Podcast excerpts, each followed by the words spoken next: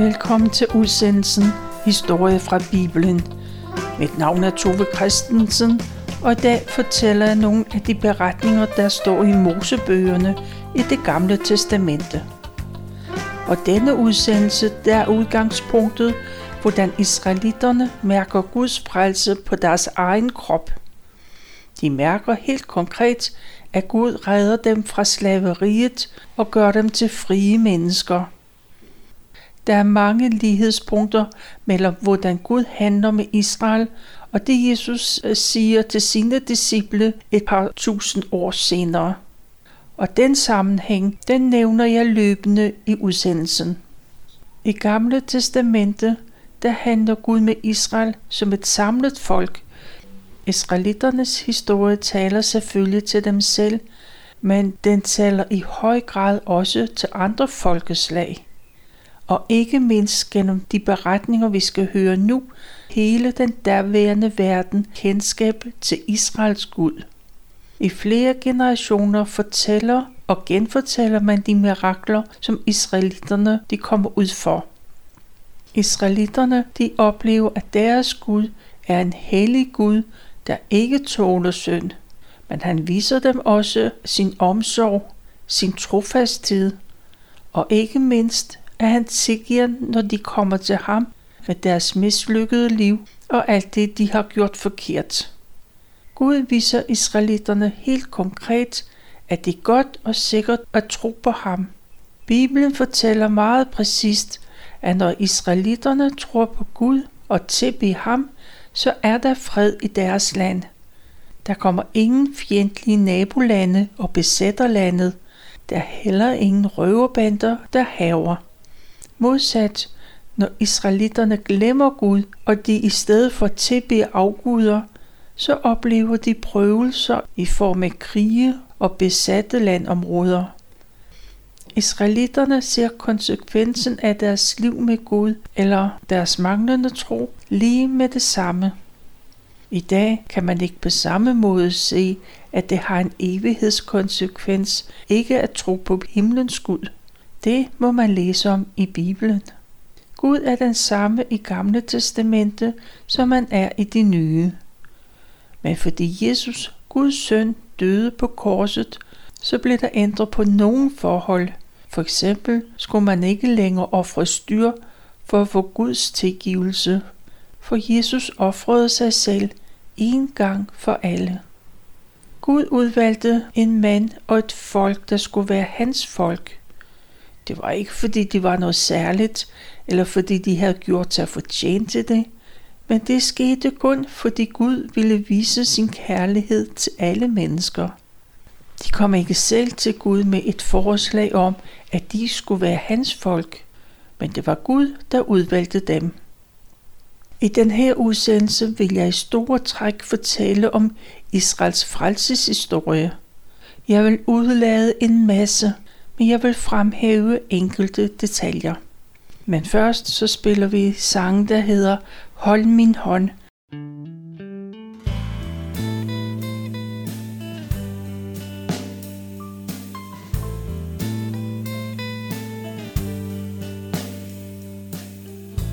Jeg er bange for mig selv.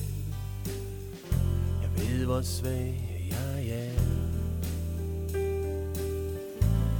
Mange tror, jeg magter alt, men det er lånte fjerde.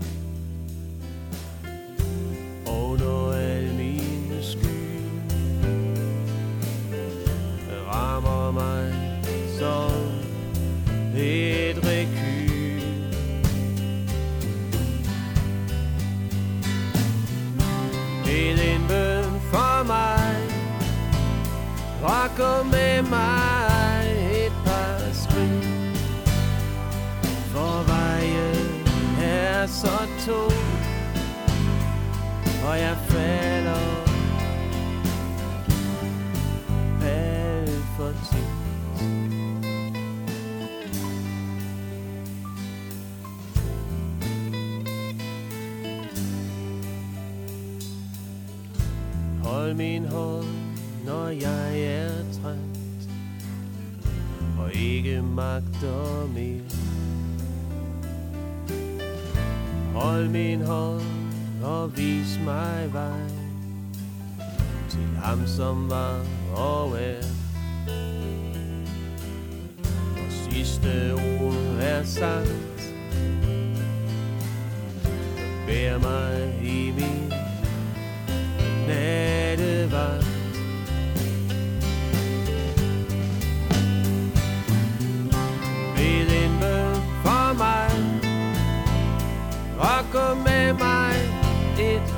par skridt For vejen er så tung Og jeg falder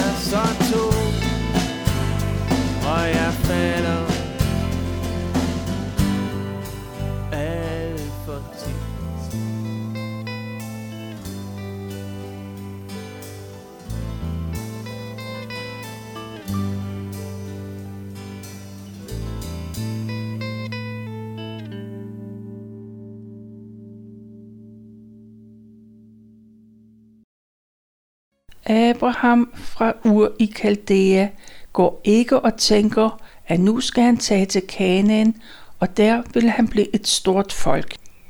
Nej, Gud kalder ham til den opgave. Det er Gud, der siger, Abraham, du skal gå, og Abraham gik. I det nye testamente siger Jesus, det er ikke jer, der har udvalgt mig, men jeg har udvalgt jer. Abraham tager sin kone med, og de går til Kanaan. Der slår de sig ned, men først i en meget høj alder får de et barn, en dreng. Og det er grundlaget for slægten, og de bliver til patriarkerne Abraham og hans søn Isak og barnebarnet Jakob. Jakob, han får et nyt navn af Gud. Han skal hedde Israel. Og Jakobs 12 sønner danner grundlaget for Israels 12 stammer. Og de stammer hører man om igennem hele Bibelen. På et tidspunkt kommer der en alvorlig hungersnød i Israel, og for at overleve, så tager Jakob sin familie med til Ægypten, og der slår de sig ned. Det er vigtigt for Guds frelsesplan, at alle 12 sønner overlever den alvorlige hungersnød. Familien vokser, og årene går.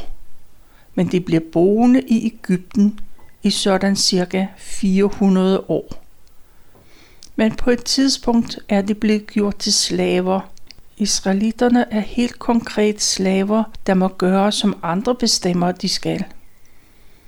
I Ægypten er der to former for slaver. Der er de private slaver, og de har en mulighed for måske en dag, at de kan få deres frihed. Chancen er ikke så stor, men den er der. Men israelitterne, de er statsslaver. De har ingen fremtidsudsigter andet end at være slaver. Det gælder for dem selv og for deres børn og børnebørn. Og slaverne bygger huse til Ægypternes militær, og så transporterer de vand ned fra Nilen og op til de marker, der ligger på skråningerne. Begge dele er hårdt fysisk arbejde. I Nytestamentet siger Jesus, at enhver, som lever i synd, er slave af synden. Underforstået, så er mennesker i dag lige så bundet af syndens slaveri, som israelitterne var det dengang. Kun Guds indgriben kan redde dem. Israelitternes forhold i Ægypten bliver værre og værre. Til sidst er det så slemt, at de beder til Gud Herren om hjælp, og Gud hører deres bøn. Gud sender en mand, der kan befri dem fra slavetilværelsen. For Gud har udvalgt Moses allerede før han blev født. Det er ham, der skal befri israelitterne fra slaveriet. I 40 år bor og lever Moses i Faraos palads. Men det er ikke der, han hører til. Hans sympati, det er hos israelitterne. Og Moses, han vil gerne befri dem, men han tager sagen i egen hånd, og han fortæller israelitterne, at det er ham, der skal befri dem fra slaveriet. Moses gør det ved at slå en mand ihjel, men hans gode vilje bliver ikke forstået, og så må han flygte over hals og hoved. I de næste 40 år er Moses forhyrte, og han passer sin svigerfars for. En dag kommer han til Sinai, til Guds bjerg, og på det bjerg møder Gud Moses. Igennem en brændende tornebusk taler Gud til Moses. Det er ham, der skal føre israelitterne ud af slaveriet. Men Moses har mistet modet, og han vil ikke påtage sig den opgave. Derfor får han lov til at få sin bror Aaron til at hjælpe sig. Fra den dag af, så taler Gud til Moses, og Moses siger det videre til Aaron, og Aaron taler til sit folk. Men for nemmets skyld, så siger man jo bare, hvad Moses sagde. Moses tager tilbage til Ægypten, og der får han israelitternes tilladelse til at handle på deres vegne. Og i de næste dage, uger og måneder, så sker der store mirakler og stærke hændelser i Ægypten. For Moses går til Farao for at få tilladelse til, at de israelske slaver kan forlade Ægypten. Men det får de ikke uden videre lov til. Og mange kender beretningen om de ti plager, der kommer over Ægypten. Og dem vil jeg sådan set springe over. Jeg vil nøjes med at fortælle lidt om den sidste og tiende plage. Det er den, hvor dødsenglen går igennem Ægypten alle førstefødte skal dø, både af dyr og mennesker. Det eneste, der kan redde dem, det er det blod fra et slagtet lam. Hvis de smører det blod på dørstolperne ind til deres hus, så kan de undgå døden. Den dag bliver menneskeliv reddet, fordi et lam bliver slagtet.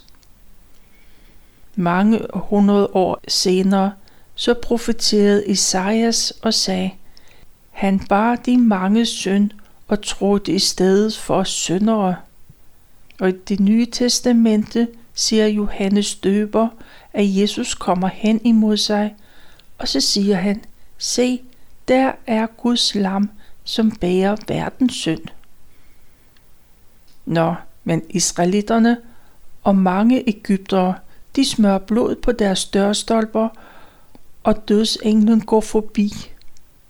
Det den nat forlade israelitterne deres hus og hjem.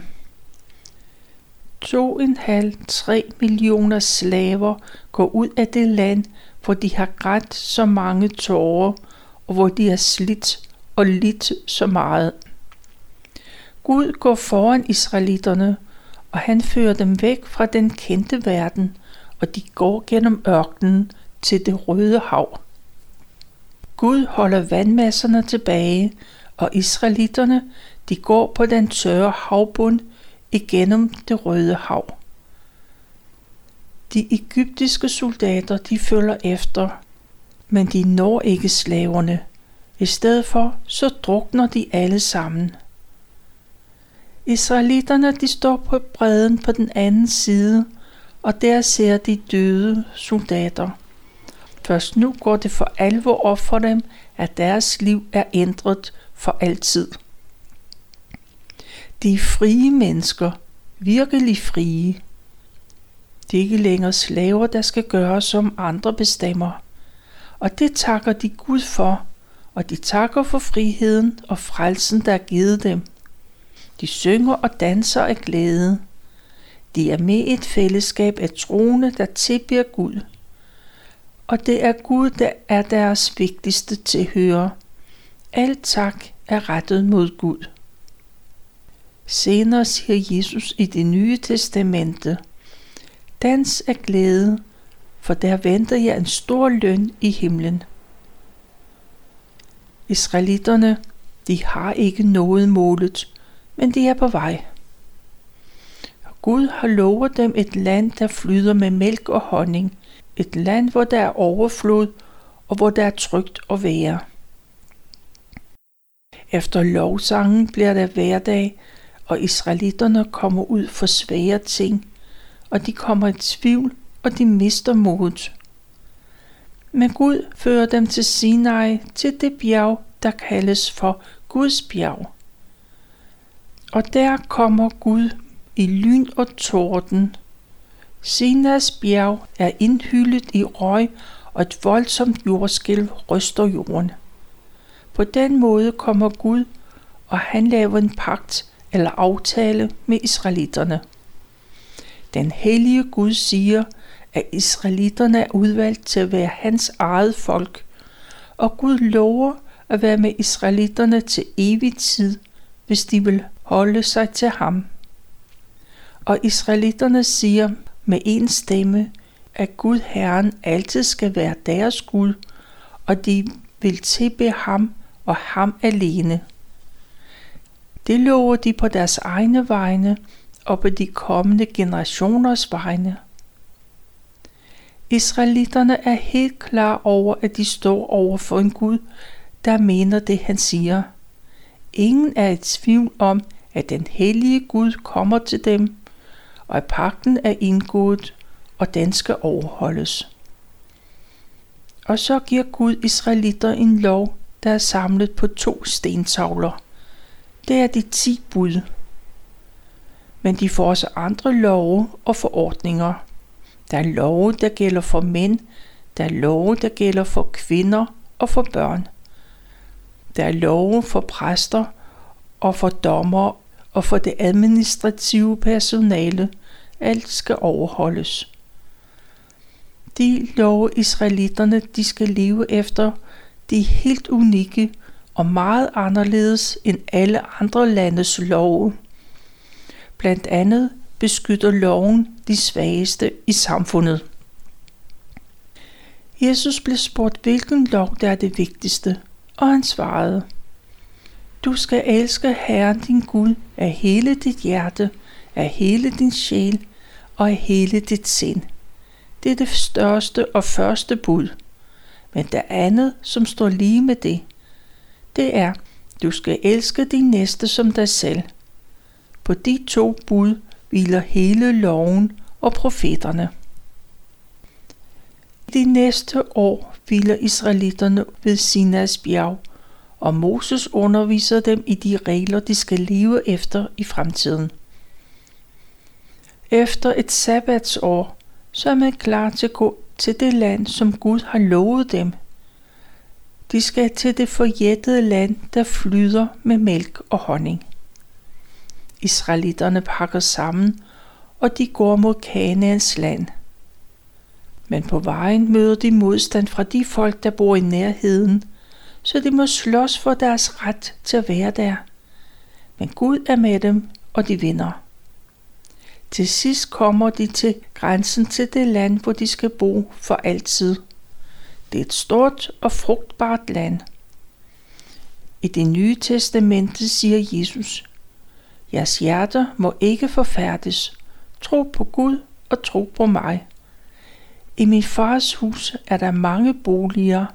Hvis ikke, vil jeg så have sagt, at jeg var gået bort for at gøre en plads rede for jer. Israelitterne de står og ser ind på de huse og boliger, der skal være deres. Men modet svigter. De tør ikke stole på, at for Gud er alting muligt. Israelitterne tvivler, og så sender Gud dem tilbage til Sinais ørken. Og der er de i 40 år, og de lever af Guds gode gaver. De får manna fra himlen, som de spiser hver dag, og der kommer vand fra en klippe. I det nye testamente siger Jesus, Jeg er det brød, der giver liv. Ingen af dem, der kommer til mig, vil nogensinde sulte, og den, der tror på mig, vil aldrig mere tørste. I Sinas ørken sørger Gud for israelitterne på alle måder. Deres tøj og sko bliver ikke slidt, og ørkens farlige dyr, de overfalder dem ikke. Rent praktisk lever de hver dag af Guds gaver, og de stoler på, at Gud sørger for dem. Efter 40 års ørkenvandring, så står israelitterne igen på tærsklen ind til Kanaans land. Og denne gang, så er de klar til at indtage landet. I over 40 år er der gået rygter om israelitterne, om hvordan Gud den ene gang efter den anden har udført store under, og ikke mindst, da de gik igennem det røde hav. Alle kan stadigvæk huske, hvad der skete i Ægypten, da flere millioner slaver forlod landet. Aldrig har man hørt noget, der bare mindede om det. Og alle ved, at israelitterne har vundet over stærke folkeslag, også på deres vej til Kanaans land. Ingen bør være i tvivl om, at Israels Gud er den stærkeste Gud af alle guder. Der er ingen undskyldning for ikke at overgive sig og begynde at tro på Israels Gud. Og i det nye testamente siger Jesus, Gud har givet mig al magt i himmel og på jord. Gå derfor ud og gør mennesker fra alle folkeslag til mine disciple. Israelitterne taler ikke med ord, men Gud taler gennem deres liv og de under, der sker – men folk de lytter ikke, for der er ingen folkeslag, der overgiver sig til israelitterne. I stedet for stoler de på deres egen magt og på deres egne guder. Gud er med israelitterne, da de går ind i Kanaan. Først falder Jerikos mure, og senere må det ene folkeslag efter det andet lider nederlag. Dem, der ikke bliver dræbt, de bliver gjort til slaver. Det kan være svært at forstå, hvorfor israelitterne ikke bare kan bo side om side med de stammer, der allerede bor i landet. Og det er der selvfølgelig en forklaring på. Men om min forklaring er hele sandheden, det ved jeg ikke. Men som jeg ser det, så er der mindst to forklaringer. For det første, så viser Gud på en helt konkret, at det har en konsekvens ikke at tro på Gud.